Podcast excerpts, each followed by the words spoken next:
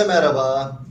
Bu akşam Pencere programını farklı bir formatta açıyoruz. Ee, İTÜ e, Mezunlar Derneği ile birlikte ortak bir etkinlik gerçekleştirdik. Ve e, bugün farklı olarak bizler moderatör koltuğunda değil konuk koltuğunda oturacağız. Emre, e, Sinan ve ben. Bugün de çok değerli iki tane moderatörümüz var. Bunlardan bir tanesi İTÜ Mezunlar Derneği'nde aktif rol alan e, değerli profesyonel koç, tekstil mühendisi aynı zamanda İpek Hanım, İpek Çıtak ve de e, Lütfiye Şen, o da e, aynı zamanda öğrenci ve İTÜ Mezunlar Derneği'nin öğrenci birliğinde yönetim kurulu üyesi olarak bugün model edecekler görüşmemizi, e, etkinliğimizi diyorum ve sözü onlara bırakıyorum. Çünkü biz bugün konuğuz, onlar patronu olacaklar bugünkü programın. Buyurun lütfen. Evet, herkese merhabalar. Bizim için de harikulade bir deneyim, heyecan verici. Ee, gerçekten sizin programınızda size konuk olup ama aynı zamanda sizi konuk etmek e, çok farklı bir deneyim olacak. Siz de bu işbirliği içinde bizimle beraber olduğunuz için çok teşekkür ediyoruz. E, her birinize ayrı ayrı.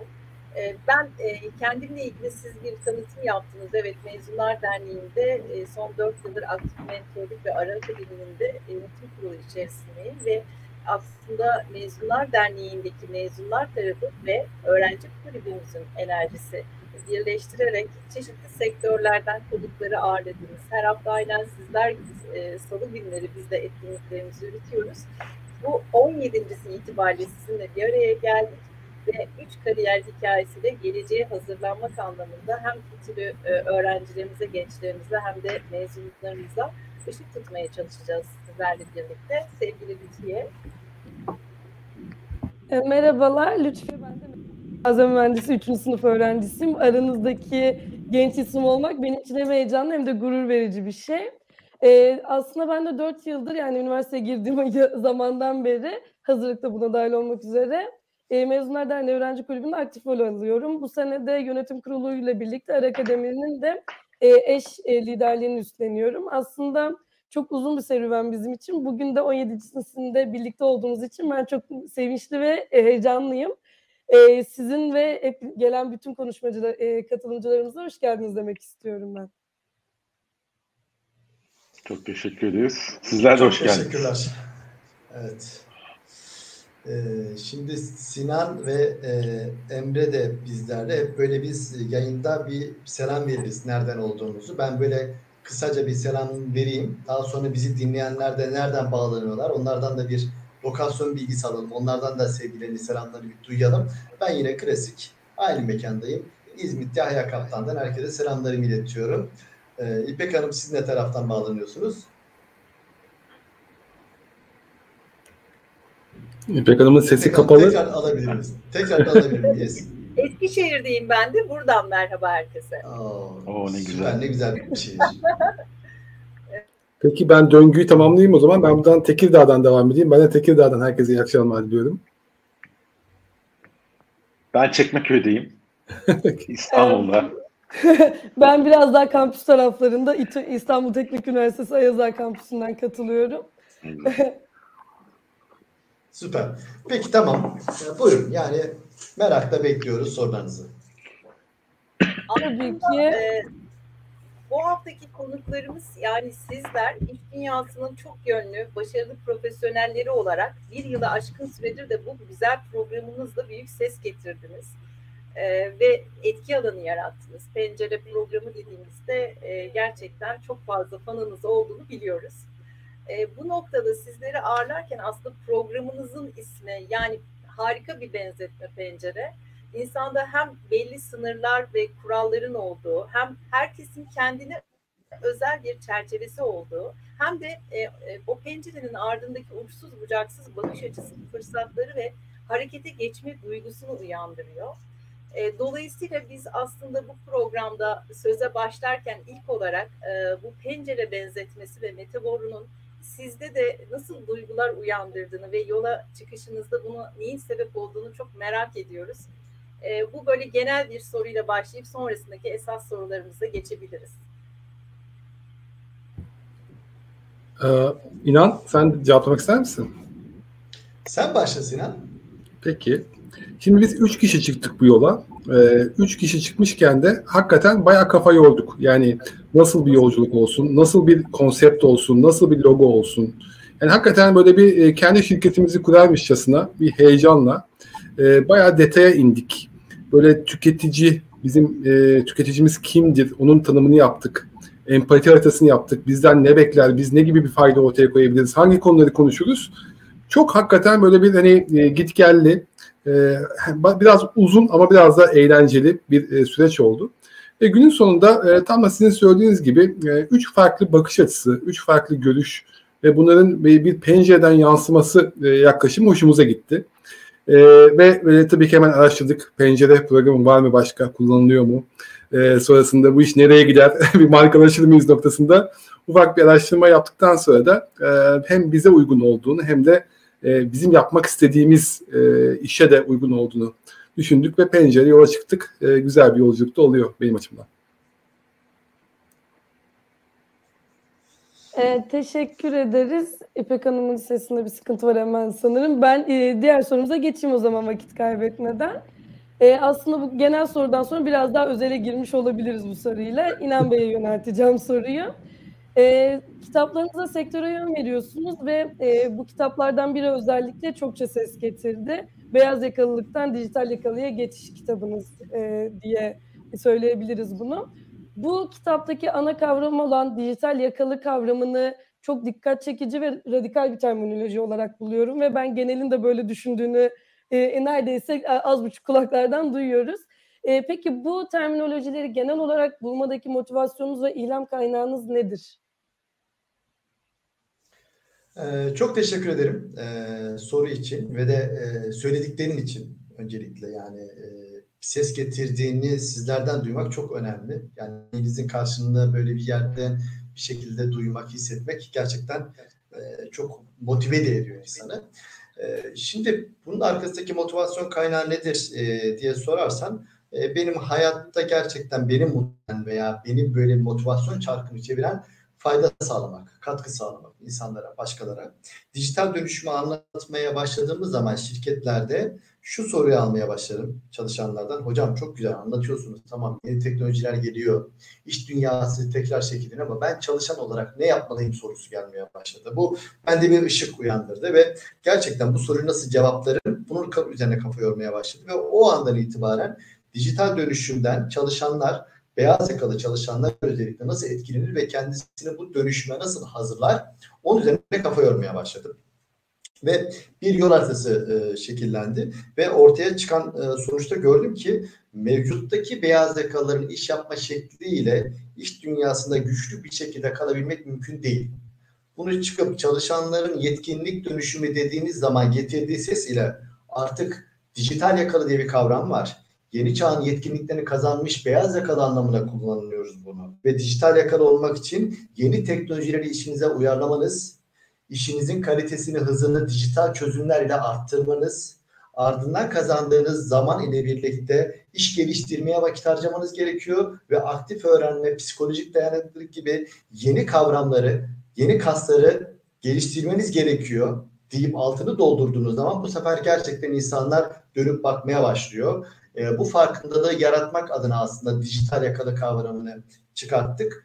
Çıkarttık diyorum çünkü bunun arkasında bir de genç arkadaşım var. Kitabın eş yazarı sevgili Nisa Nur Kaya. Birlikte bunu tasarladık. Birlikte aslında bu e, adı koyduk. E, ve e, dediğin gibi de güzel e, geri dönüşler alıyoruz. E, hep söylüyorum dijital dönüşüm adı dijital olsa da merkezinde insan var insanın yetkinliğiyle ve zihniyetiyle dönüşmesi gerekiyor ki gerçekten dijital dönüşüm şirketlerde gerçekleşebilsin.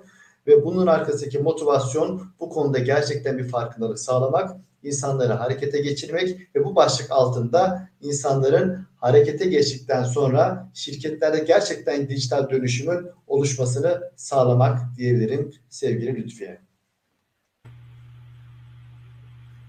Teşekkür evet. ederiz. Çok teşekkür ediyoruz. Peki e, Sinan Bey ben de size e, benzer e, bir soruyla aslında e, ulaşmak istiyorum. Birden fazla şirkette yönetici konumlarında bulunmuşsunuz ve çok farklı şirketlerle çalışmanın sizde eminim çok güzel birikimleri var. Bu farklılıklarla çalışmak size hangi konularda daha çok katkı sağladı? Ve aslında şunu merak ediyorum. Hayatınızda böyle dönüm noktası olarak adlandırabileceğiniz olay varsa bununla da ilişkilendirmek, bu farklı şirketleri seçme tarafında e, sizin için bir itki oldu mu? E, tabii ki. Şimdi iki tane güzel iç içe geçmiş soru ama ikisi de bağlantılı. Evet. E, gerçekten çünkü e, benim açımdan o kariyerimde verdiğim özellikle iş değişikliği kararları o kırılma anlarına karşılık geliyor. Ben de bazen e, bu yayında dahil olmak üzere böyle genç arkadaşlarımla konuşurken hep anlatıyorum. E, hayatta e, çok e, değişik tecrübeler edindim ama bir tecrübem var ki o da bir iş görüşmesi sırasında bir e, potansiyel yöneticinin bana sorduğu e, yine aynı soruyu sormuştu İpek Hanım. Demişti ki hayatındaki kırılma anlarını merak ediyorum. E, ben de ilk defa karşılaştığım bu soruyu cevaplarken biraz zorlanmıştım. Ama böyle kendimce e, demin de bahsettiğim gibi çoğunlukla kariyerimde verdiğim o değişim anlarından bahsetmiştim. E, sonra tabii e, düşündüm niye bunu, bunu sordu acaba? Hani bu sorunun e, karşı taraftaki beklentisini karşılayabildim mi acaba noktasında? Şunu fark ettim. E, ve sonrasında kendi e, soru setime de ekledim bu, e, bu soruyu. E, karşınızdaki kişinin e, hayatındaki kırılma anlarını bilebiliyor olmak aslında onun bir e, değişim noktasında veya bir karar anında nasıl karar verdiğini veya neye baktığını veya karar verme parametreleri dışında e, pişmanlıkları ve geçmişteki kararlarından neler öğrendiğinin çok güzel bir e, özeti oluyor. Ve bugün ortaya koyduğunuz o kırılma anlarındaki kararlarınız aslında sizi geleceğe taşıyor ve gelecekte vereceğiniz kararların da altyapısını oluşturuyor. O yüzden bu soru benim e, çok hoşuma giden bir soru ve bunu hem cevaplayarak hem de kendi kariyerimdeki yansımalarından bahsederek devam etmek istedim. Bir kimya mühendisiyim. E, iş hayatına bir kimya mühendisi olarak başladım. Yüksek lisansımı da Almanya'da yapmıştım. Ve bir mühendis olma hayali ile aslında yanıp tutuşuyordum. Ve gerçekten de e, şansım e, yaver gitti ve e, Eczacıbaşı topluluğunda başladım iş hayatında ve bir okul gibi bir e, fabrikada başladım. E, bugün e, değeri çok daha fazla anlaşılan tuvalet kağıdı, kağıt havlu, Serpak markalı, Solo markalı o ürünleri üreterek başladım iş hayatına. E, ve e, proses mühendisi olarak gerçekten de üretimde e, işte formenlerle, e, teknisyenlerle, mühendislerle iç içe çok keyifli bir kariyer yolculuğu başladı. E, yaklaşık bir 4-4,5 senelik fabrika tecrübesinden sonra bir fırsat çıktı karşıma ve bu fırsatı ben değerlendirdim. İşte kılma bir tanesi.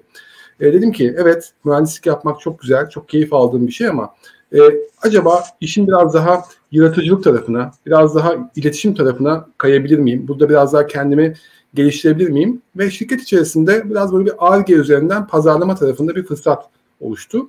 Bu benim için bir kırılma anıydı. Çünkü burada belki de bilmediğim bir e, alana, bilmediğim bir suya e, yüzmeye doğru başladım ve e, kendimi bir anda önce iş geliştirme arkasından da bir pazarlama e, yöneticisi olarak buldum. Ama ürettiğim bir ürünün pazarlamasını yapabiliyor olmak tabii ki benim için avantajlı ve yaklaşık bir 4 sene kadar da e, yine aynı firmada bu sefer pazarlama alanında çalıştım. Sonra ikinci bir kırılma noktası geldi. Şirket değişikliği. 8,5 sene aynı sektörde çalışmışsınız üretiminden pazarlamasına birçok alanını biliyorsunuz ve artık böyle hani oraya doğmuşsunuz ve orada emekli olacaksınız gibi gözüküyor ama e, ben açıkçası farklı bir tecrübe de edinmek istemiştim ve e, karşıma da bir fırsat çıktı. Bu sefer tekstil sektöründen Sabancı topluluğunda bir pozisyon e, önerildi ve dedim ki e, şimdi değiştirmeyeceksem ne zaman?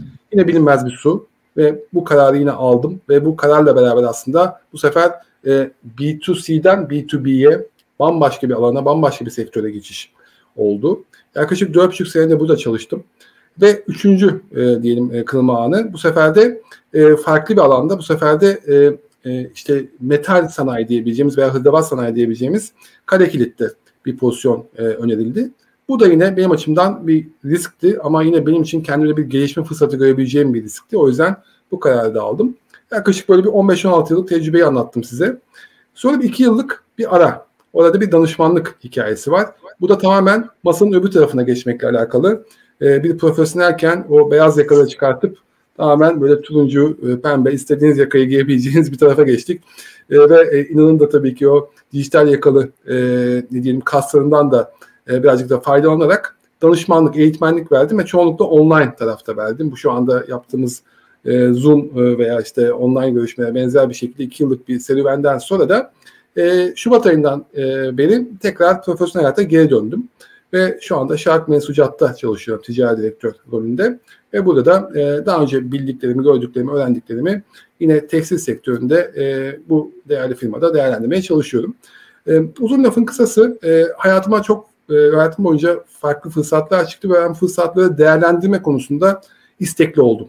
Çünkü e, ben noktaları birleştirmeye inanan birisiyim ve noktaları birleştirmek için de çok fazla noktaya ihtiyacınız olduğunu düşünen birisiyim ve bu noktalar ne kadar farklı alanlardan, ne kadar farklı e, boyutlardan çıkarsa o kadar da kıymetli, o kadar da zengin bir resme dönüşüyor. Ve ben e, kendi kariyerimde bunun faydasını çok gördüm, e, görüyorum. Umarım ki de daha da fazla göreceğim. O yüzden benim hikayemde bu var. Kırılma anlarında çoğunlukla o değişimi, dönüşümü tercih eden tarafta oldum. Noktaların sayısını arttıran tarafta oldum ve bunların faydasını da hep gördüm diye böyle bir e, toparlayarak döneyim İpek Hanım. Çok teşekkür, teşekkür ederiz. Ee, sıradaki soruyu ben Emre Bey'e yönelteyim. Aslında İnan Bey ve Sinan Bey'in de e, içinde bulunduğu, e, anlattığı gibi siz de hayata farklı pencerelerden bakan, bunu da aslında title'larınızda gösteren bir insansınız. Girişimci, araştırmacı, öğretim görevlisi birçok title'ı bir arada bulunduruyorsunuz.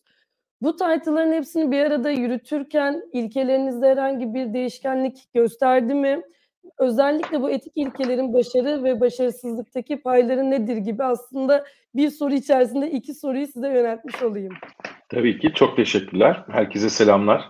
E, sayenizde renklenen farklı bir programımız oldu. E, tüm İTÜ Mezunlar Derneği e, ailesine de buradan selamlar, sevgiler olsun.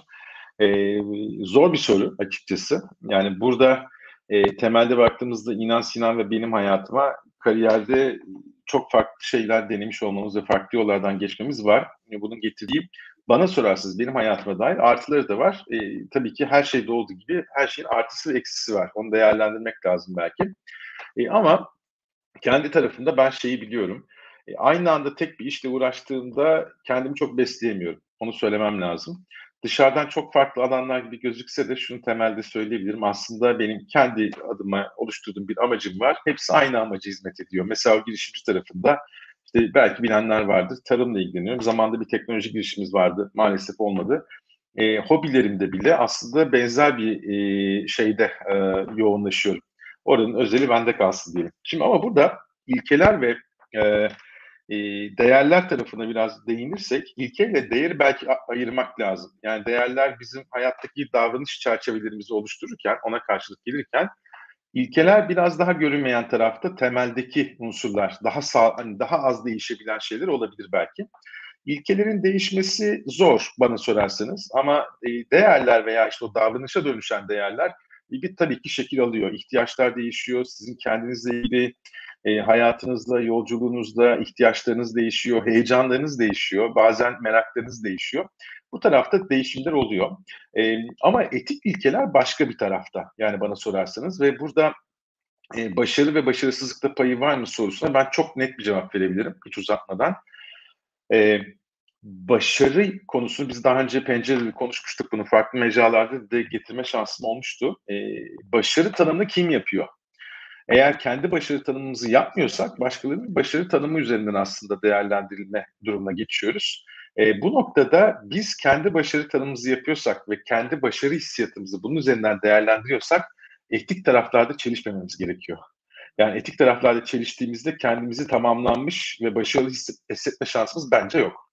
O noktada e, bu tarafta değerler, o davranışların göstergesi olan şeyler değişebilse de ihtiyaçlara göre ben e, ilkelerin ve özellikle etik ilkelerin e, kişi tarafından net cevaplanması gereken ve sahiplenilmesi gereken şeyler olduğunu düşünüyorum. Başarı e, bir ünvan veya başka bir alkış değil, kendi içinizde aslında bunu belki söylemek çok kolay geliyor olabilir ama herkesin yaşadığı şey tabii kendi içinde e, gerçekleri vardır kafayı yastığa rahat koyabilmek benim adıma. Bu taraf çok gelgitleri yaşayan insanlardan biriyimdir belki de zamanda. Neyse yoğun, yoğun iş temposunda zamanı yönetmek konusunda şöyle bir şeyim var. Bir kere bir anlam olması lazım her zaman. İşte Muhtar Kent'in söylediği söz çok güzeldir. Sabah sizi yataktan kaldıracak bir neden olsun der. E, bu motivasyonu sağlıyor. O zaman zamanı odaklayabiliyoruz. E, o odak bence çok kritik. E, zaman kısıtlı bir kaynak ve odakladığımızda kendimizi buralarda ilerleme veya verimli çalışma şeyimiz e, çok güzel oluyor. Ben erken kalkanlardanım. Erken kalktığımda günün büyük verimini oralardan alanlardanım. Onu söyleyebilirim. E, ve bir anlam olduğu zaman insan daha istekli oluyor. Arada motivasyon kayboluyor. Oradaki köprüyü de öz disiplin aslında oluşturuyor diyelim. E, kısaca böyle cevap vereyim. Lütfiye. Teşekkürler. Bu online dönemde aslında öğrenci kısmından bir göz olarak söyleyeyim. Hepimizin kaybettiği motivasyonu çok güzel bir şekilde anlattınız. Teşekkür ederim. Estağfurullah. Evet, e, ben e, İnan Bey'e yönelmek istiyorum tekrar. Şöyle ki yani Ara Akademi bünyesinde de aslında biz daha çok İTÜ e, öğrencilerine, onları geleceğe hazırlarken ve bugünkü etkinlikte de sizlerin kariyer hikayelerinden ilham e, olmayı amaçladık. E, bir tarafta da mezunlar olarak biz yıllanmış tecrübelerimizi gençlerin bu enerjileriyle bir araya getirerek onların hem kişisel hem de gelecek kariyerlerine bir katkıda bulunmak e, yönünde çalışıyoruz. Bütün mentorluk programları ya da ara akademi şeklindeki bütün e, gelişimi hedefleyen platformlarımızdaki temel sebep bu. Siz de 19 Nüans isimli kitabınızda müthiş bir rehberlik yapıyorsunuz aslında. Hem e, kurumsalda çalışan hem kendi özel işinde çalışan her yaştan herkes ama özellikle bunların içinde gençler için son derece ilham verici satırlar var. Ben de büyük bir keyifle okumuştum. Dolayısıyla gençlerin geleceğin kariyerlerini seçerlerken onlar bir şekilde tasarlayıcıları e, yaşamın geleceğin e, bugünden onlara bu 19 yaklaşım içinden olmazsa olmaz diye bir beş tanesini örneğin seçmeniz gerekseydi hangilerini seçerdiniz? Yani mezuniyetlerinin ardından gitmek istedikleri yollar için e, o yolu belirlemelerinde hangileri daha belirleyici bir etken olurdu? Bu konuda hani 19'un içinden belki seçmek zor olabilir. Hepsi sizin çocuklarınız gibi ama bir beşini ya da bir üç tanesini seçecek olsanız size bırakıyorum.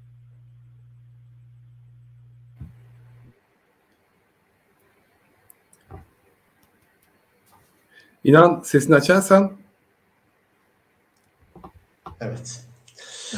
Bu 19'dan 5'e düşürmek gerçekten kolay değil. Çünkü üzerine yoğunlaşıyorsunuz. Bir takım deneyimlerden, bu filtrelerden geçiyor ve 19 tane e, anahtar belirliyorsunuz paylaşmak adına da.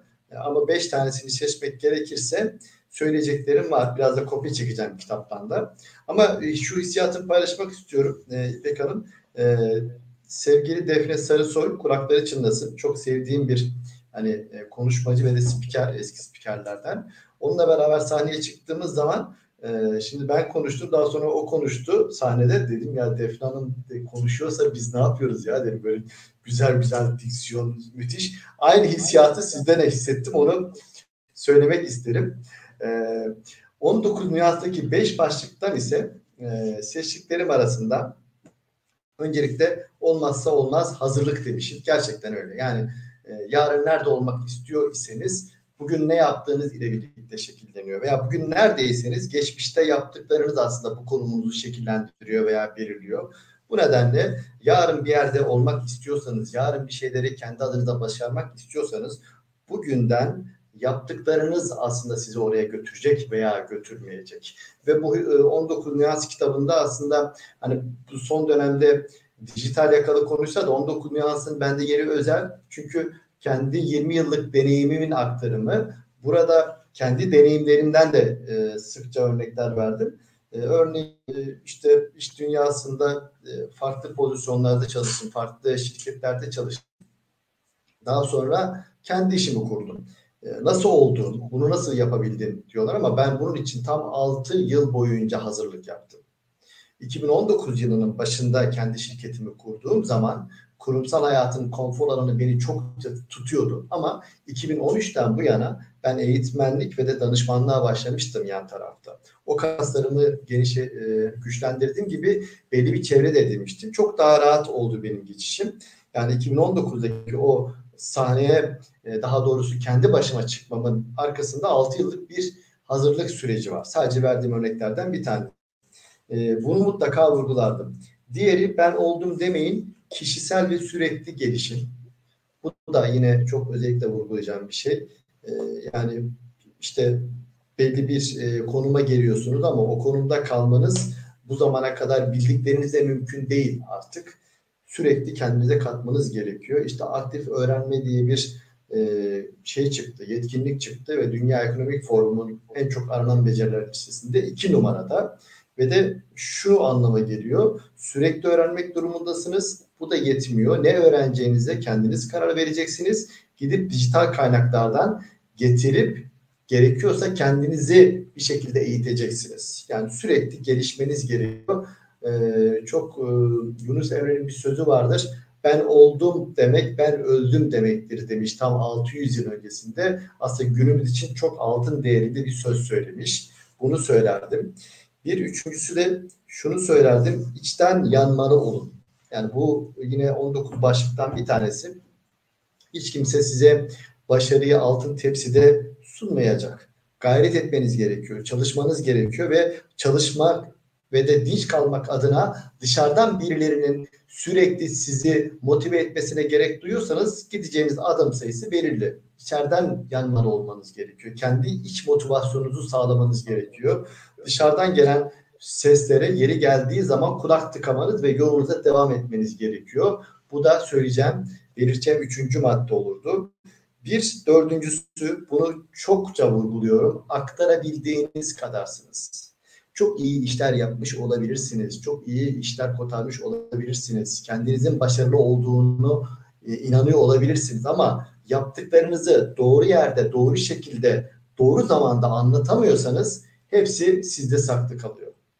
Bunları doğru şekilde, doğru zamanlamayla anlatmanız gerekiyor. Bunu da şu mottoyla vurguluyorum. Kariyer yapmak istiyorsanız şunu bilmeniz gerekiyor. Kariyerde yaptığını sat, sattığını yap. Yani gidip yaptıklarını anlat ama anlattıkların da böyle altı dolu dolu olsun. Gerçekten anlatmaya değer şeyler olsun.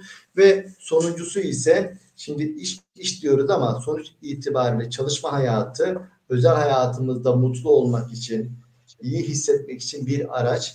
Son maddeyi vurgulardım. İş, iş dışında yapılanlarla güzel.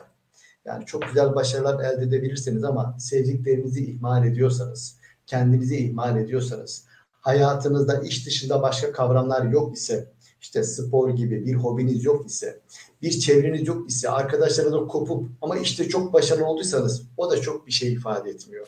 19. madde buydu ama kesinlikle yapbozun en büyük parçalarından bir tanesi son olarak da bunu vurgulardım değerli İpek Hanım. Teşekkür ederiz. Şimdi aslında benim cevabını en merak ettiğim sorulardan biri. e, bu soruyu Sinan Bey'e yöneltmek istiyorum ben. Z kuşağı penceresinden bakacak olursanız eğer diyelim ki gelecek kaygısı ve umutsuzluk gören Z kuşağı gençleri var diyorlar. Ben hiç böyle bir şey hakim değilim ama öyleymiş. ee, bunun için öneri acaba özellikle çabuk sıkılan ve e, sizlerin de az buçuk gözlemlediğiniz kadarıyla çok çabuk sonuç isteyen bir dönem geliyormuş. e, bu alışkanlıkları e, nasıl e, edinebiliriz ya da belli bir rota e, öneriniz var mıdır? gençlerimiz için diyeyim hemen kendimi dışta bırakarak ben hiç muzdarip değilim bu konularda. Bu konudan muzdarip olan gençlerimiz için. Pekala, e, güzel teşekkürler. Şimdi e, aslında e, kuşaklara bir yandan e, inanan bir yandan da çok hani kafaya takmayan bir kişiyim. Çünkü her kuşağın kendi içerisinde farklılıklar da içerdiğinin farkındayım. Hani benim kuşağım, senin kuşağın çok yok aslında ama e, bu umutsuzluk, belirsizlik veya zorlanma hissi bence hepimizde var. Ee, biraz hani tabii ki dış etmenlerin bizi getirdiği e, durum sebebiyle. Fakat ben hem Emre'den hem de İnan'dan birazcık e, e, ne diyelim söylediklerinden ilham alarak cevaplamak isteyeceğim senin sorunu. Çünkü hem Emre hem İnan aslında bir motivasyon kavramından bahsetti. E, ve motivasyonu e, Emre anlatırken dedi ki hani e, dışarıdan beklemeyin dedi motivasyonu. E, e, İnan da dedi ki içten yanmalı motorunuzu her zaman e, sıcak tutun dedi. Aslında bunların ikisi de bir iç motivasyon e, kavramını tanımlıyor. E, çok sevdiğim e, ve hakikaten e, yeni dönemde e, yeni kitabını da merakla okumayı beklediğim Daniel Pink'in e, Drive isminde bir kitabı var. Hani e, burada kitaplardan da bahsedelim. E, belki arkadaşlarımızın da ilgisini çekecektir. Onun tanımladığı bir iç motivasyon e, modeli var ki üç, adam, üç adımdan oluşuyor. Bir tanesi otonomi. Yani yaptığınız işin sahibi olun. E, yaptığınız işi e, sahiplenin e, ve bunu birisinin size gelip göstermesini beklemeden sahiplenirseniz o işten e, büyük bir keyif almaya başlıyorsunuz. Oradaki başarılar veya başarısızlıklar size çok daha anlamlı geliyor. E, ikinci adım e, yine Emre demin söyledi ya hani e, yataktan kalkmak için bir sebebiniz olması gerekiyor. E, o da aslında bir uzmanlaşma serüveni. Yani her gün yeni bir şey yapma e, fırsatı yaratmak kendinize, rutinden kaçınmak, mümkün olduğunca e, tabağınızı yeni yemeklerle doldurmak, mümkün olduğunca masanızı yeni e, problemlerle e, doldurmak.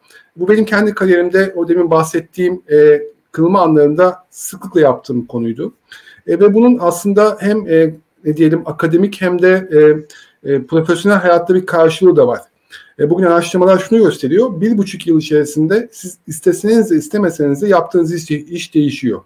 Ya yaptığınız işin tanımı değişiyor ya beraber çalıştığınız kişiler değişiyor ya konularınız değişiyor ya şirketiniz ya da sektörünüz. O yüzden zaten siz istemeseniz de bir değişim var.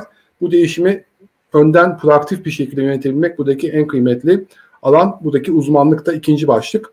Üçüncü başlıkta anlam. Emre demin söyledi. Yaptığınız işte bir anlam bulmanız gerekiyor. Anlamı bulacak şekilde her gün neden ben bu işi yapıyorum? Neden ben bu e, ne diyelim e, e, problemle e, yüzleşiyorum? Neden bu problemi çözmeye çalışıyorum veya neden bu müşterilerle bu yeni ürünleri, yeni fikirleri tartışıyorum noktasında o nedeni sürekli ortaya koymak. Hep nedenle başlayıp nedenle bitirmek konusu buradaki üçüncü adım. Yani özetleyecek olursak aslında otonomi yani yaptığınız işin sahibi olmak, mutlaka uzmanlaşmak için her gün yeni bir şey yapmaya çalışmak ve yaptığınız işte hakikaten anlamı sürekli sorgulamak bu iş motivasyonu körükleyen bir konu. Bu çok önemli. Ama bir konu daha var. O da yine bir e, çok sevdiğim ve hani yine bana ilham veren bir kitaptan gördüğüm bir formül üzerinden ve biraz mühendis kafası olduğu için formüllerle anlamayı ve anlatmayı çok seviyorum. İlk gördüğüm günden beri çok aklıma yatan bir e, formül. O da Angela Duckworth'un e, Grit, Azim kitabından bir e, formül. E, başarıyı şöyle tanımlıyor. Diyor ki başarı için diyor aslında yetenek gerekli. Evet yeteneğiniz olacak. Fakat yeteneği mutlaka çabayla çarpacaksınız ve bir yetkinlik oluşacak diyor. Yetkinliği de mutlaka çabayla çarpacaksınız ve başarıya ulaşacaksınız. Aslında burada iki kez tekrar eden çarpan gördüğünüz gibi çaba. Yani bugün evet Z kuşağı, Y kuşağı, X kuşağı ne dersek diyelim sıkılıyoruz. Zorluklar karşısında bazen bunalıyoruz. Bazen o belirsizlik bizi çıkmazlara sokuyor. Fakat çaba gösterdiğimiz zaman aslında her türlü zorluğun, her türlü e, problemin üstesinden gelebiliyoruz. Ne kadar zorluklarla karşılaşıyor olsak da belki daha fazla yol alıyor, belki daha fazla zaman alıyor ama mutlaka sonuca varıyoruz. Bizim Emre ve İnan'la yaptığımız ilk program 2020'nin sonunda ve temamız umuttu. Yani biz umudu yaşatmak üzere aslında bir yola çıktık. Çünkü o zaman da biliyorsun e, zor e, bir dönemden e, geçiyorduk. Ama dedik ki biz bu umudu nasıl yaşatırız ve bu umudu nasıl paylaşırız? Paylaşırsak belki daha da büyütebiliriz. Aslında bizim yolculuğa çıkışımızda da bu umudun bir rolü var. En azından bir etkisi var. Ve bugün demin size söylediğiniz program sayılarından biz de herhalde bu üçüncü özel yayınımız 32'ye geldik. E, hani bizim için de e, çok güzel bir yolculuk oluyor. Umut dolu bir yolculuk oluyor. O yüzden toparlayacak olursam e, genç arkadaşlarıma değil mi lütfen seni dışarıda bırakıyorum.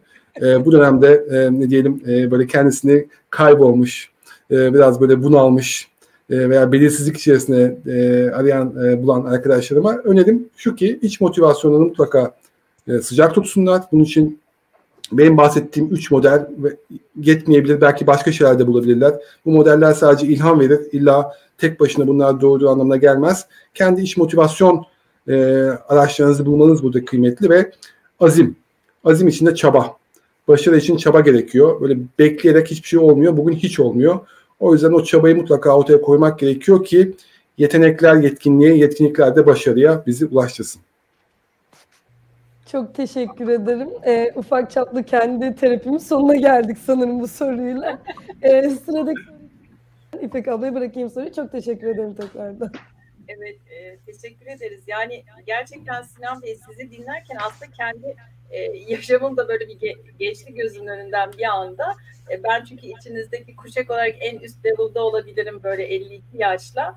Ama tam 50 yaş dönemecinde şunu görmüştüm tüm o yaşanmışlıkların içinde e, bundan sonrası için deneyimi aktarmak için umut olmak ve birlikte iz bırakmak için farklı bir şeyler yapmak gerekiyor ve o yüzden aslında kendi konfor alanımı bozup kurumsaldan ayrılıp bambaşka bir yolculuğa işte profesyonel koçluk, eğitmenlik, mentorluk gibi bir alana geçtim.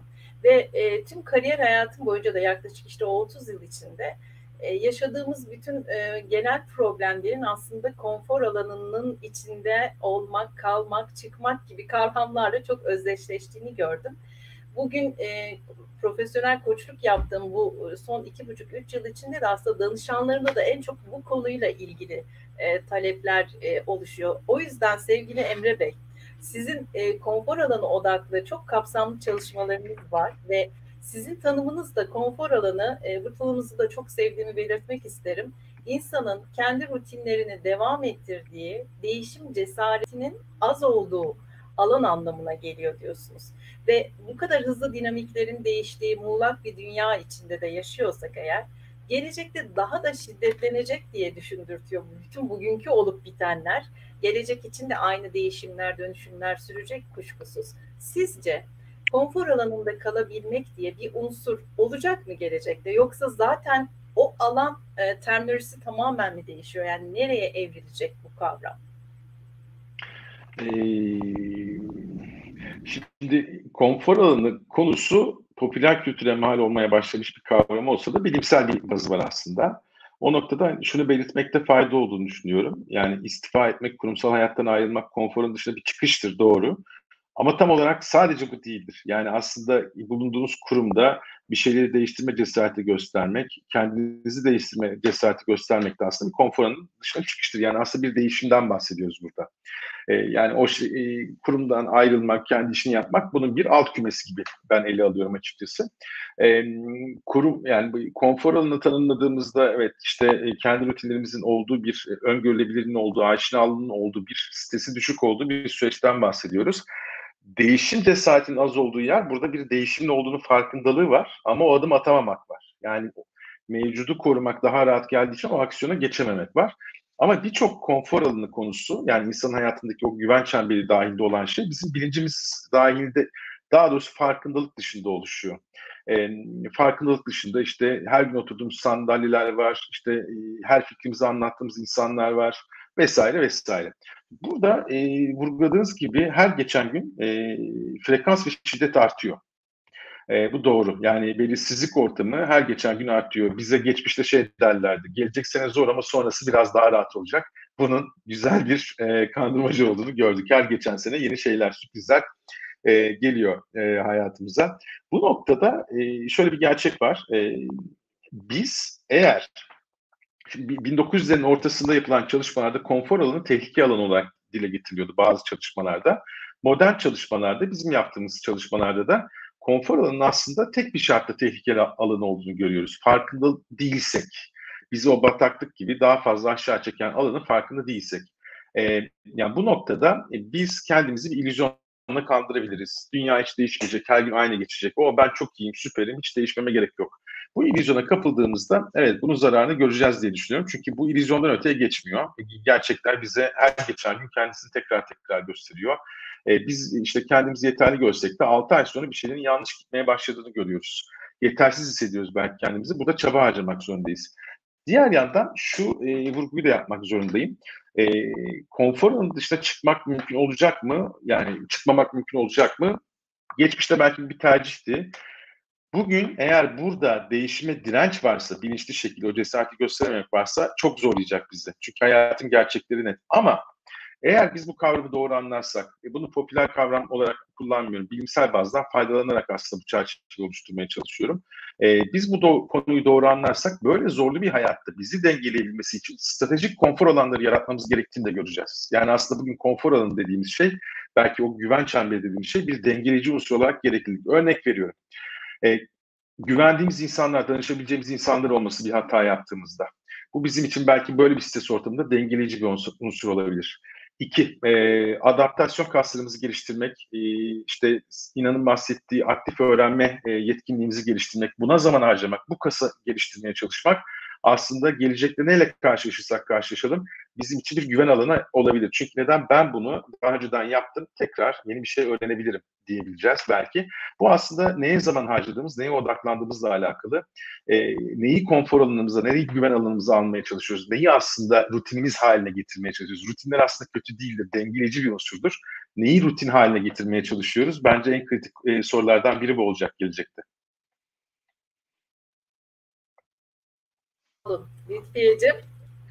Hemencecik ben o zaman sıradaki soruya geçiyorum. Aslında e, bu bahsettiğimiz konfor alanının oluşmasında en büyük e, sebeplerden biri olan bu pandemi sonrasında biraz da dijital dönüşüme yöneldik denilebilir. Hatta denilebilir değil de direkt hayatımız ona doğru evrildi. E, bu noktada ben İnan Bey'e bir soru sormak istiyorum. E, dijital dönüşüm dünyasında sizin pencerenizden baktığımız zaman en çok şirketler, çalışanlar ve e, çalışanlar için zorlanılan noktalar nelerdir ve e, bu zorlukları biraz da fark ettikten sonra bunları aşmak için ne gibi önerileriniz olabilir?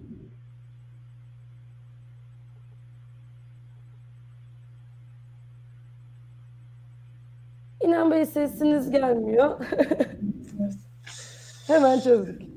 Evet, dijital dönüşüm pandemiyle birlikte çok e, konuşulsa da aslında e, uzun yıllardır şirketlerin ajandasında olan bir kavram. E, işte 2016 yılından beri ben en azından şirketlerde uygulamaya çalışıyorum. Bunu anlatıyorum. E, ama e, hala gidecek çok yol var dijital dönüşüm. Özellikle ülkemizdeki şirketleri düşündüğüm zaman çok kat edecek yolumuz olduğunu çok açıklıkla söyleyebilirim. Peki yani en çok ne ile e, karşılaşıyoruz ki bizi zorluyor? Kesinlikle insanların zihniyeti bizleri zorluyor. Hani dijital dönüşümü şöyle özetliyorum. E, yeni teknolojileri kullanarak süreçleri yeniden tasarlamak. E, bunu yapacak olan yine o çalışanlar, insanlar, yöneticiler. Yöneticilerin e, kendi zihnindeki bariyerleri, kendi ön yargıları, bizde olmaz e, söylemleri aslında bizi en çok zorlayan faktörlerin başında geliyor. İşte burada da e, Emre'nin dediği nokta çok ön plana çıkıyor. E, sadece kendi kurumsal hayatı bırakıp kendi işini kurmak değildir konfor alanından çıkmak. Kendi şirketinizde bir takım değişimlere liderlik yapıyorsanız aslında çok güzel bir konfor alanından çıkma noktasında örnek teşkil ediyorsunuzdur. Burada bu örneği gösterebilen, bu adımı atabilen çalışanların sayısının çok olmadığını söyleyebilirim. Ve bizi en çok zorlayan şeylerden bir tanesi çalışanların zihniyetini dönüştürmek. Bu üst yönetim içinde geçerli, uzman seviyesinde çalışanlar için de geçerli. Bu nedenle dijital dönüşüme aynı zamanda bir değişim dönüşümü, değişim şirketteki o değişim olarak bakmakta fayda var. Sadece dijital çözümlerin entegrasyon olarak bakmak yeterli değil. Topyekun bir değişim olarak yönetmek gerekiyor dijital dönüşümü.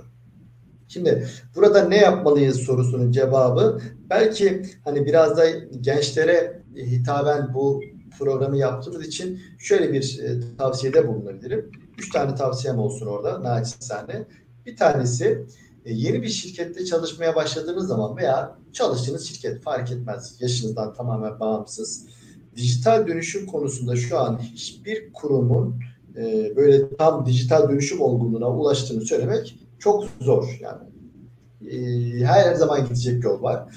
Sistem körlüğüne kapılmadan yeni teknolojileri araştırıp yapay zeka, robotik süreç otomasyonu, iş zekası gibi çözümleri sürekli araştırıp oralarda kendinizi güncel tutup ben işimde nasıl kullanabilirim noktasında dinç kalmalarını tavsiye ederim. Yani yaptığınız işi sürekli yeni teknolojiler ile birlikte nasıl kolaylaştırabilirim ve geliştirebilirim buna kafa yormak gerekiyor ve bunu sürekli tutmak gerekiyor. Bu birinci tavsiyem olur.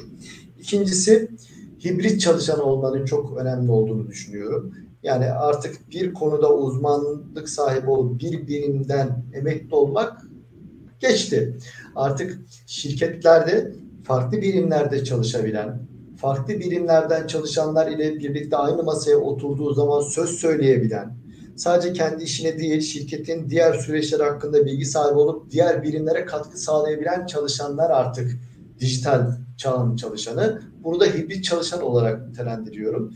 Bu konuda gerek şirket içinde bir rotasyon, farklı ekiplerle yapılan projeler, e, farklı birimlerden yöneticilerden mentörlük alma gibi fırsatları kesinlikle kaçırmamalarını tavsiye ediyorum ki hibrit çalışan olmak adına önemli adımlar atabilsinler. Bir üçüncü nokta ise kesinlikle B planı sahibi olsunlar. Yani bir konuyu da uzman olabilirsiniz. Kendi şirketinizdeki yaptığınız işi seviyor olabilirsiniz. Ama bir B planı hem kurum içinde hem de kurum dışında sahip olmak gerektiğini düşünüyorum. Kurum içinde B planı nedir? İç eğitmen olabilirsiniz mesela. Yaptığınız şey planlama mühendisiniz. İç eğitmenlik fırsatı var. İç eğitmen olabilirsiniz. Ek bir bilezik. Ecal, çevik, koç olabilirsiniz. Çok popüler şirkette varsa. Ben olsam kesinlikle kaçırmam. Veya hatta alt sigma. Alt sigma yeşil kuşak, kara kuşak olabilirsiniz. Kolunuza mutlaka ek bilezikler takın derim kurum içinde. Kurum dışında ise yine e, işte Dünya Ekonomik Forumu'nun araştırması gösteriyor. 2027, 2027 yılına kadar dünyadaki iş gücünün yarısının freelancerlerden oluşması bekleniyor.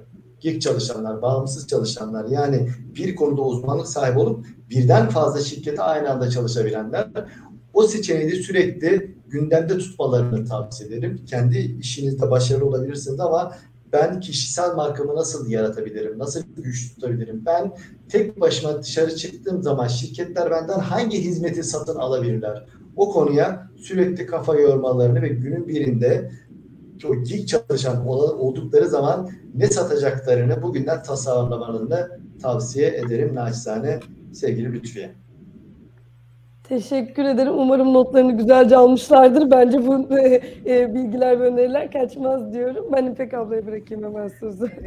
Çok kıymetli anahtarlar verdiniz gerçekten. E, ve aslında işte yaşaya geldiğimiz e, çalışma deneyimlerinde hep böyle fazlasıyla başarı odaklılık, sonuç odaklılık ön plandaydı. Ben de kendi meslek hayatımda hep bunu e, gördüm, kopyaladım ama bunu hep değiştirmeye, dönüştürmeye e, çabaladım. Çünkü sürecin de çok önemli olduğu muhakkaktı ve başarı tanımı biraz önce Emre Bey'de yeniden tanımlanmalı ya da kime göre dediniz ya. Bu noktada tam da bu bilgiler ışığında size bir şey sormak isterim hepimize aslında sürekli olarak başarılı olmanın önemi ta böyle işte doğduğumuz andan itibaren etraftan e, gelen bütün öğretiler o genetik kodlarla gelen öğretiler her şeyde hep bir başarı teması vardı ve bunun yolları hep anlatıldı. Hep ne yapılacağı, ne yapmamız gerektiği, belki nasılları daha az anlatıldı ve aslında nedenleri hiç anlatılmadı gibi bir şeydi. Ama son yıllarda bu e, tamamen bir değişime, bir farkındalığa uğradı. Çok e,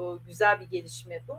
Fakat şu anda böyle o özellikle girişimcilik tarafından baktığımızda ve sizin de araştırmacı kimliğinizde, öğretim görevlisi kimliğinizle özellikle sormak istiyorum. Öğrencilerle de çok yakın e, mesafelisiniz. Artık bu akıllı başarısızlıkların da öne çıkarılması gerekiyor mu sizce? Yani o günlere geldik mi? Bu konuda ne dersiniz? Her şey sadece başarıyla mı e, çerçevelenmeli?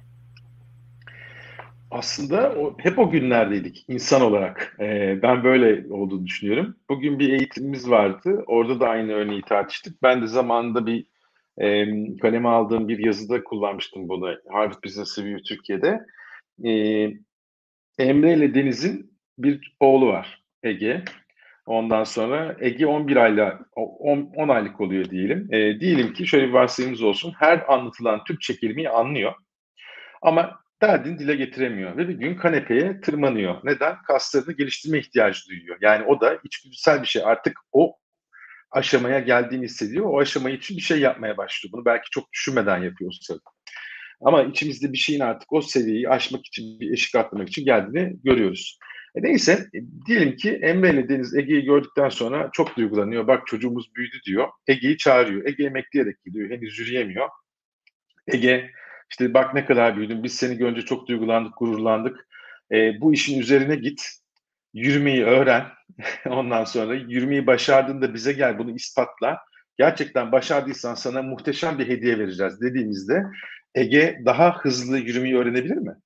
Hayır.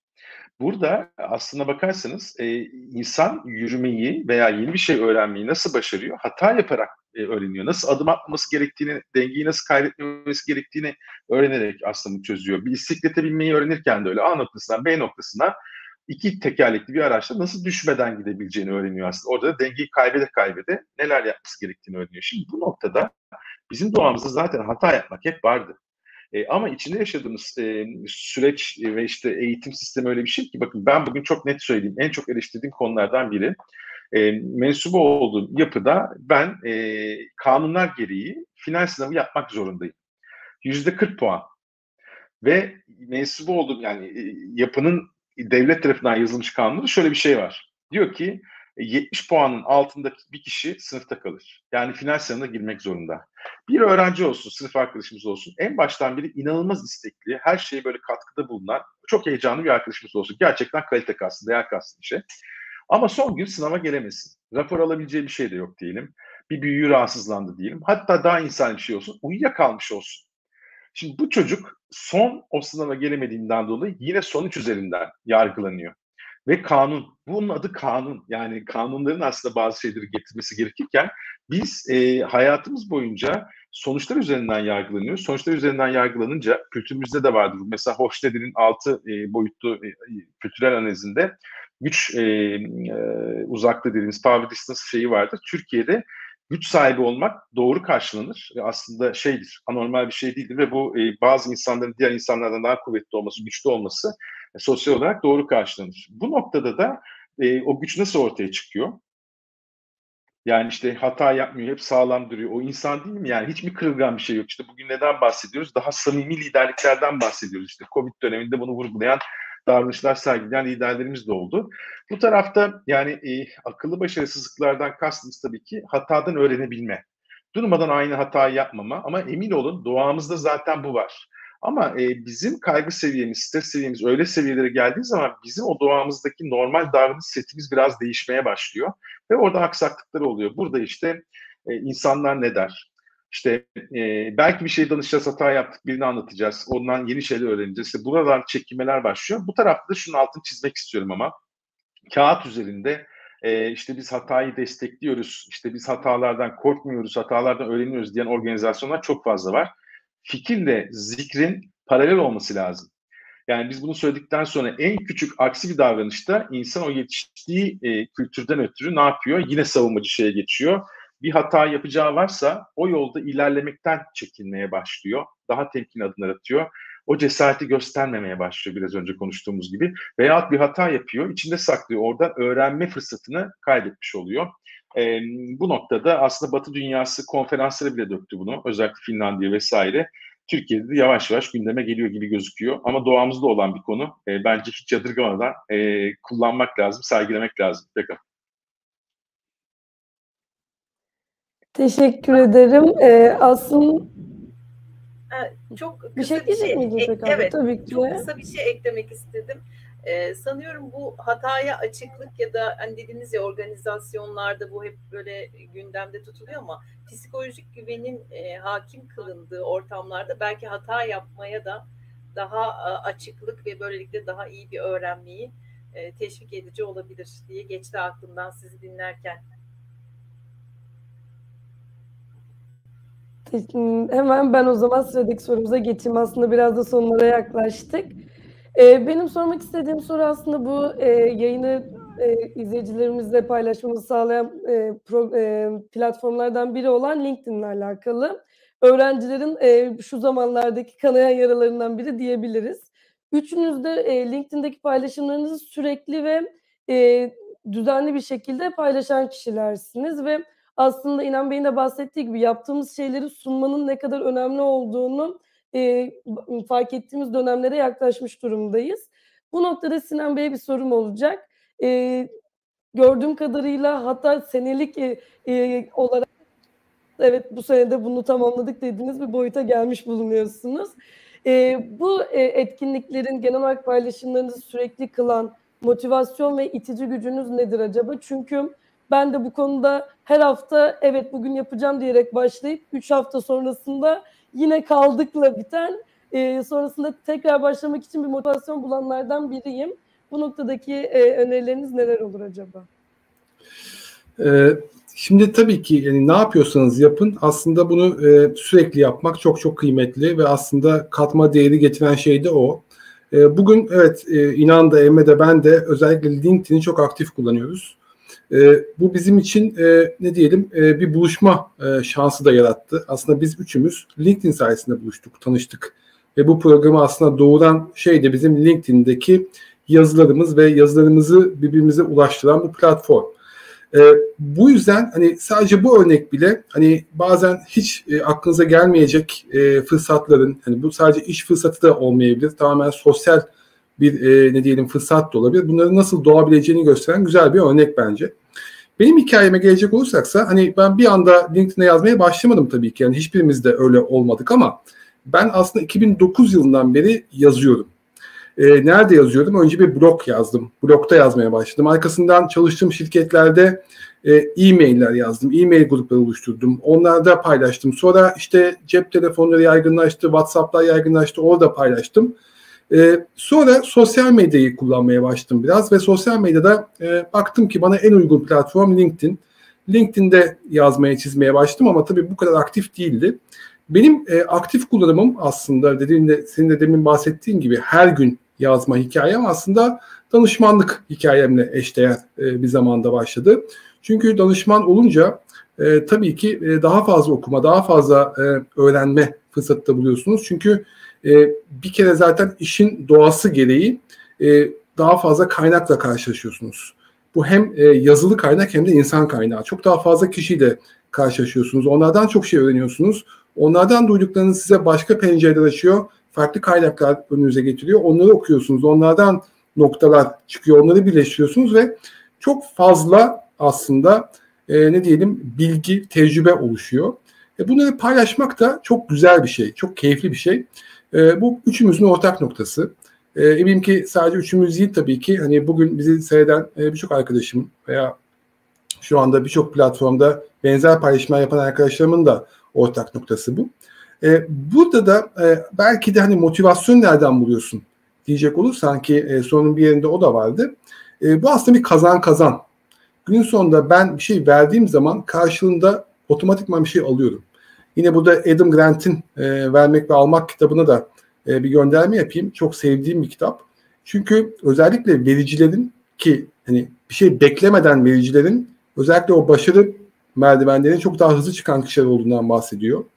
E, ve bunu ama içten gelerek bunu gerçekten de e, verdiğiniz faydadan veya ortaya koyduğunuz katma değerden keyif alarak yaptığınız zaman yani bu bir size metazori olarak hadi şimdi bugün de bunu paylaş, hadi bunu bunu insanlara anlat diye değil de kendi isteğinizle, kendi şevkinizle ve e, ne diyelim e, bundan keyif alarak yaptığınız zaman çok daha bir e, anlam bulduğunda e, yaşıyorum. E, iki yıl yazdım dediğin gibi. E, her gün yazdım. E, çok e, nadiren ara verdiğim durumlar haricinde. Ve e, benim için inanılmaz bir tecrübe oldu. İnanılmaz bir yolculuk oldu. Bugün biraz seyrekleşti. E, yeni rolüm gereği e, mesai saatlerimi biraz daha farklı şekilde kurguluyorum ama hafta sonları yazmaya devam ediyorum. Hafta sonları e, benim e, yine LinkedIn paylaşım günlerim oldu. Hafta içini farklı şekilde bir planlamayla götürüyorum. E, tabii ki pencere programı olduğu haftalar hariç o zaman tabii böyle bir programıma ufak bir e, jest yaparak hafta içi paylaşımlara devam etmekle beraber yazmaya devam ediyorum. Edeceğim de inşallah. Çünkü gerçekten de benim için e, ve eminim ki e, hepimiz için e, gerçekten çok farklı kapılar açıyor. Çok farklı pencereler açıyor. Açmaya devam edecek. E, bizim hikayemiz böyle Lütfiye. Sağ olun. E, programımızın e, böyle sonuna doğru da yaklaşıyoruz bir taraftan. Lütfiye'nin de belirttiği gibi e, bir soruyu aslında üçünüze de e, yöneltmek isteriz e, bu son demde. Özellikle gençler açısından baktığımızda hepimiz için de hani gençler geleceğe hazırlanırken tabii ki şu anda iş hayatını sürdüren herkes için de iş yapma şekilleri oldukça değişti ve değişmeye dönüşmeye devam ediyor. Sizlerin de bahsettiği üzere farklı hibrit modeller, uzmanlık alanları, freelance alanlar oluşuyor ve evden çalışmadan oldukça yaygın hale geldi. Tabii özel e, bu açıdan baktığımızda evden çalışmanın disiplini kültürü de başka bir boyut oluyor ve bunu yönetmek adına e, içimizde bu tarzda çalışması gerekmekte olanlar yani devam edenler ve e, mezun olacak öğrenciler tarafından baktığımızda özellikle neleri dikkate almalılar, neleri göze almalılar belki nasıl bir harita izlemeliler bunu yönetebilmek adına? Bu konudaki e, değerli görüşlerinizi almak isteriz. Ben çok kısa bir cevapla giriş yapabilirim e, izninizle. E, bir kere şey söylemek isterim. Böyle genç arkadaşlarımız da bazen bana benzer sorular soruyor. Biz de soruyorduk. E, ben çok tavsiye verme pozisyonunda görmüyorum hiçbir zaman kendimi. Ama kendi hayatıma baktığımda, keşkelerimde, yaptıklarımda kendi hayatımdan bir örnek veriyorum. Onu söyleyebilirim. E, bu anlatacağım şeyler ben de muzdarip olmuş biri olarak çok içtenlikle söyleyeceğim, paylaşacağım bunları. Bir kere ben kendi hayatıma baktığımda şöyle bir şey düşünüyorum. Keşke kariyeri yani hayatın bir parçası olarak görseymişim. Biraz daha ön planda görüyordum ben zamanında. Halbuki kariyer bizim kendi çizmek istediğimiz, yaratmak istediğimiz hikayenin bir parçası. Ha, kariyeri ayrı bir parça olarak irdelersek, e, ona bakarsak ben orada şöyle bir e, e, bakış açısının çok değerli olduğunu düşünüyorum. Genelde kariyeri konuşurken tek kişilik bir yolculuk gibi ele alıyoruz. Ben ne zaman işte terk edeceğim, ben ne zaman şöyle olacağım vesaire. E, ben öyle olmuyorum. Ben o yolculuk içerisinde bir etkileşimdeyim ve etkileşimde bulunduğum insanlara değer kattım kadar onlar beni yukarı çek, çekiyor aslında. Bu karşılıklı bir şey. Bunu hiç unutmamak gerektiğini inanıyorum. E, bu yolculukta da üç temel şeyi sorgulamalı. Ben kendimde bunu sorguladığım zaman daha farklı bir e, boyuta geçtiğimi hissediyorum. O yüzden bunu paylaşabilirim belki. E, bu üç sorunun cevabı bence kritik. Bu hayatta neyi amaçlıyorsun? Ne konuda heyecan duyuyorsun? Yani o benim heyecan noktam ne? O harekete geçiren nokta ne? İki, e, bugün dünden daha iyi olabildim mi? Bence bu da kritik bir konu. E, e, olabilmem için neler yapabilirim? Bunu sorgulayabilirim. Üç, belki de en kritiği neye zaman harcıyorum? Çünkü bu böyle bir şey. Zaman kaynağı çok kısıtlı. Neye zaman harcıyorsak onda daha iyi oluyoruz. Ee, yani bu bu tarafta e, bu kaynağı işte e, İlan hep vurgular. E, zaman geçirdiği beş kişinin ortalamasısın. Evet. İşte zaman geçirmek böyle bir şey. Neye zaman harcıyoruz? Zaman geçirdiğim beş tane aktivitenin belki ortalamasıyız belli yetkinliklerde de. Bu tarafı, bu üç konuyu soruyor. Ben kendi hayatımda sormaya başlayıp net cevaplar bulabildiğim zaman hemen olmuyor. Hemen olmak zorunda da değil. Daha iyi ve rahat bir yolculuk yapabildiğimi hissettim. Ee, kısa ise nacizane bunları paylaşabilirim. Ben devam edeyim istersen Emre'nin bıraktığı yerden. Ee, şimdi Emre'nin söylediği yani her zaman geçerli. Ee, sorun içerisindeki özellikle bu evden çalışma dünyası veya uzaktan çalışma dünyasında bu nasıl değişir diye ben de düşündüm dinlerken. E, temelde aslında çok bir şey değişmiyor. Ama belki de mekan değişiyor, zaman değişiyor değil mi? Boyutlar değişiyor. Orada da benim önerim şu e, ki e, uzaktan çalışmış, uzaktan eğitim vermiş bu süreci iki yılı e, neredeyse evden geçirmiş ağırlıklı birisi olarak e, rutinleri devam. Yani buradaki temel şey e, evdeyiz diye kendimizi çok da böyle salmadan yine kalkış saatimizi, çalışma saatimizi, çalışma ortamımızı e, ve e, diyelim e, verdiğimiz araları e, ve o aralarda yapacağımız e, ne diyelim aktiviteleri ki bu spor olabilir, yemek yemek olabilir, kahve içmek olabilir, sosyalleşmek olabilir, telefonla görüşmek olabilir. Bunları yine planlı programlı yapmaya devam etmek buradaki temel e, ne diyelim kriter oluyor. Eğer böyle çok e, başıboş bir hale bırakırsak evden çalışmayı o zaman verim düşüyor. Ama eğer belli rutinler içerisinde bunu kurgularsak yine bir iş yerindeymişiz gibi çalışma saatlerimizi, mola saatlerimizi, yemek saatlerimizi planlarsak ben verimin arttığını görüyorum. Kendi e, tecrübemden de e, beraber çalıştığım şirketlerdeki geri bildirimlerden de. Çünkü evden çalışmanın getirdiği büyük avantajlar var. Ne gibi? E, yol, trafik e, veya işte bir e, yemek e, mekanında geçirdiğiniz ve oraya gitmek için geçirdiğiniz zaman sizin cebinizde kalıyor. E, bunun yerine e, çok daha hızlı, çok daha etkin, çok daha verimli çalışabiliyorsunuz. Ama tabii ki kendinizi böyle çok da yüzde yüz kaptırmadan, molalarınızı unutmadan. O yüzden benim burada hani hatırlatmak istediğim şey mutlaka rutinlerinizi belirleyin evden çalışırken. E, ikinci bir nokta da çalışma mekanı. E, özellikle bu dönemde işte salondaki yemek masasından, efendim söyleyeyim mutfaktaki e, işte şeyden bankodan çalışan arkadaşlarımın daha çok yorulduğunu, çok daha zorlandığını gördüm. Çünkü büyük bir trafik var orada. Ama kendinize evin bir köşesinde biraz da önü arkası e, korunaklı ve size özel, sizin bir çalışma mekanınız olarak adlandırabileceğiniz, herkes tarafından da böyle kabul edilmiş bir alan yaratabilirseniz, orası sizin belki de ofisteki veya iş yerinizdeki çalışma masanız haline gelebiliyor. Ve siz e, beyin de e, otomatikman sizi oraya oturduğunuz zaman iş yapmanız gerektiği konusunda odaklandığı için e, orada verimli bir şekilde çalışabiliyorsunuz. Oradan kalktığınız zamansa yine e, ofisinizde belki mutfağa gitmiş veya işte aşağıda arkadaşlarınızla bir sohbet için e, hava almaya çıkmış gibi de hissedebiliyorsunuz. O yüzden bir rutinler, iki kendinize bir çalışma alanı ama sadece çalışmaya odaklanmış bir alan yaratabilmek buradaki iki anahtar konu. E, bunu e, başarabilen kişilerin evden çalışmayı çok daha verimli etkin kılabildiğini hem kendi deneyimimden hem de e, beraber çalıştığım şirketlerdeki örneklerden duydum. Ben de böyle bir katkı vereyim. Peki ben de e, saza eğilim o zaman. E, şimdi Emre'nin e, biraz bıraktığı yerden almak istiyorum. Hani kariyeri biz sadece yükselme olarak e, algıladık özellikle bizim gençlik yıllarımızda. İşte terfi alalım, ünvanlar katalım e, kendimize diye. E, aslında kariyer sadece dikey değil, aynı zamanda yatay bir genişlemedir. Dikey yükselme değil, yatay bir genişlemedir. Kendinize B planı katarsınız, ek bilezikler katarsınız, yeni insanlar tanırsınız ee, bir takım projeler yaparsınız, yeni şeyler denersiniz, öğrenirsiniz. Bütün bunlar bu kariyerin yatay genişlemesidir ve temelini sağlamlaştırır. Bütün bunları yaptığınız zaman dikey yükselme de çok daha kolay olur. Biz sadece dikey yükselmeye odaklanıyoruz daha çok ama yataydaki genişleme aslında daha da kritik. Hani soruya gelirsek e, işte sadece evden çalışma olarak görüyoruz ama evden çalışmayı ben bir e, vizyon olarak görüyorum. Yani görünen o. E, içeriye bakmak lazım. İçinde neler değişiyor? İş dünyasının kuralları tekrar yazılıyor ve burada gelecekteki beni inşa ederken üç nokta söylemek gerekirse şunu söyleyebilirim. Bir, ben kimim? Ben ne istiyorum? Ben neden keyif alıyorum? Ben neyi iyi yapıyorum? Ben neyi yaparken mutlu oluyorum? Bir bu tarafı keşfetmek. İkincisi dışarıdaki sektörde ne gibi değişimler var? Sektörde ne gibi yeni ihtiyaçlar var? Sektör nereye gidiyor? Dünyanın yeni ihtiyaç duyduğu alanlar, yetkinlikler, konular neler? İkincisi burası. Üçüncüsü de tam buranın kesişim noktası.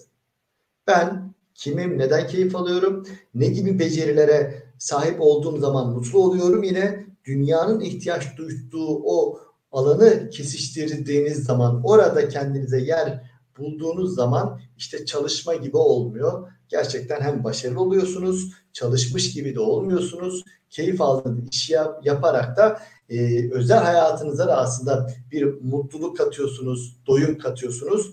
Bunu e, üç alan olarak e, bunu vurgulayabilirim e, değerli İpek Hanım. Teşekkür ediyoruz değerli yorumlarınız için. Yani bunların her biri sizin aslında bizzat yaşanmışlıklarınız, deneyim alanlarınız ve e, tamamen samimiyetle, açıklıkla, şeffaflıkla paylaştınız. O yüzden Emre Bey bahsettiğiniz gibi bir tavsiyenin çok daha ötesinde bir anlamı var gerçekten. Çünkü deneyim aktarımı bugün belki de gençler için en iyi e, yolculuklar için rehber olabilecek, ışık tutabilecek bir şey. Lütfiyeciğim, e, senin bu noktada eklemek istediğin bir şeyler var mı? Ben tüm bu e, dinlediklerimden sonra şunu çok e, anımsadım ve atıfta bulunmak istiyorum.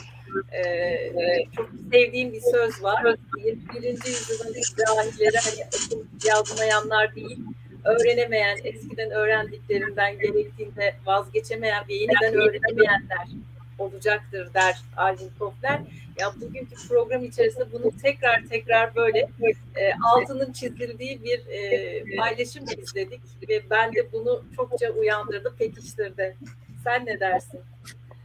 Ee, gerçekten sizin de bahset, en başta da bahsettiğim gibi bu yaşta böyle bir ortamda bulunarak bu tarz bilgileri birebir ağızdan dinleyebilmek benim için çok güzel bir deneyimdi özellikle bunu diğer arkadaşlarımla paylaşabilmek noktasında aracı olduğum bir köprü olabildiğim için çok mutluyum. Tekrardan zamanınız ve engin bilgileriniz için çok teşekkür ediyorum. Bir kez daha aslında ayrı bir teşekkürüm de bizi ağırladığınız için diyebilirim. Ee, ilk ilk e, bizim moderatörlüğümüz, üçüncü de biz e, başkalarını ağırladığınız bu etkinlikte bulunmak bizim için çok güzel bir gurur ve e, güzel bir vakit harcanımı, e, geçinimi diyebilirim. Bu kadar aslında benim ekleyeceklerim. E, e, şu an izleyen ve herkese de çok teşekkür etmek istiyorum. Size ufak bir noktadan dokunabilirsek çok güzel diyorum yani. Evet, e, tüm İTÜ e, bünyesinde ben de gerçekten teşekkürümü tekrarlamak istiyorum. Hem mezunlar adına hem öğrenci kulübümüzde bu etkinlikte böyle bir fırsatı gerçekten modere ederken aynı zamanda konuk olmak bambaşka bir tecrübeydi e, teşekkür ediyoruz hem ev sahipliğiniz için hem de konukluğunuz için. Umuyoruz o farklı projelerde yeniden yollarımız kes, kesişir ve güzel işlere imza atmaya devam ederiz. Dokunduğumuz her hayatla bugünlerde gelecekte çok daha güzelleşecek. Bu çok net. Sizlere sözü bırakmak istiyorum kendi programınızda. Çok teşekkürler ee, İpek Hanım, Ee, sevgili Lütfiye gerçekten renk kattınız. Kendi programımıza konuk olmak değişik bir deneyim oldu. Güzel bir deneyim oldu. Ee, sizler de sorularınızda çok güzel yönlendirdiniz. Katkınız için, kattığınız renk için çok teşekkür ediyorum. Ve de görüşmek üzere diyorum. Herkese iyi akşamlar. İyi akşamlar. İyi akşamlar.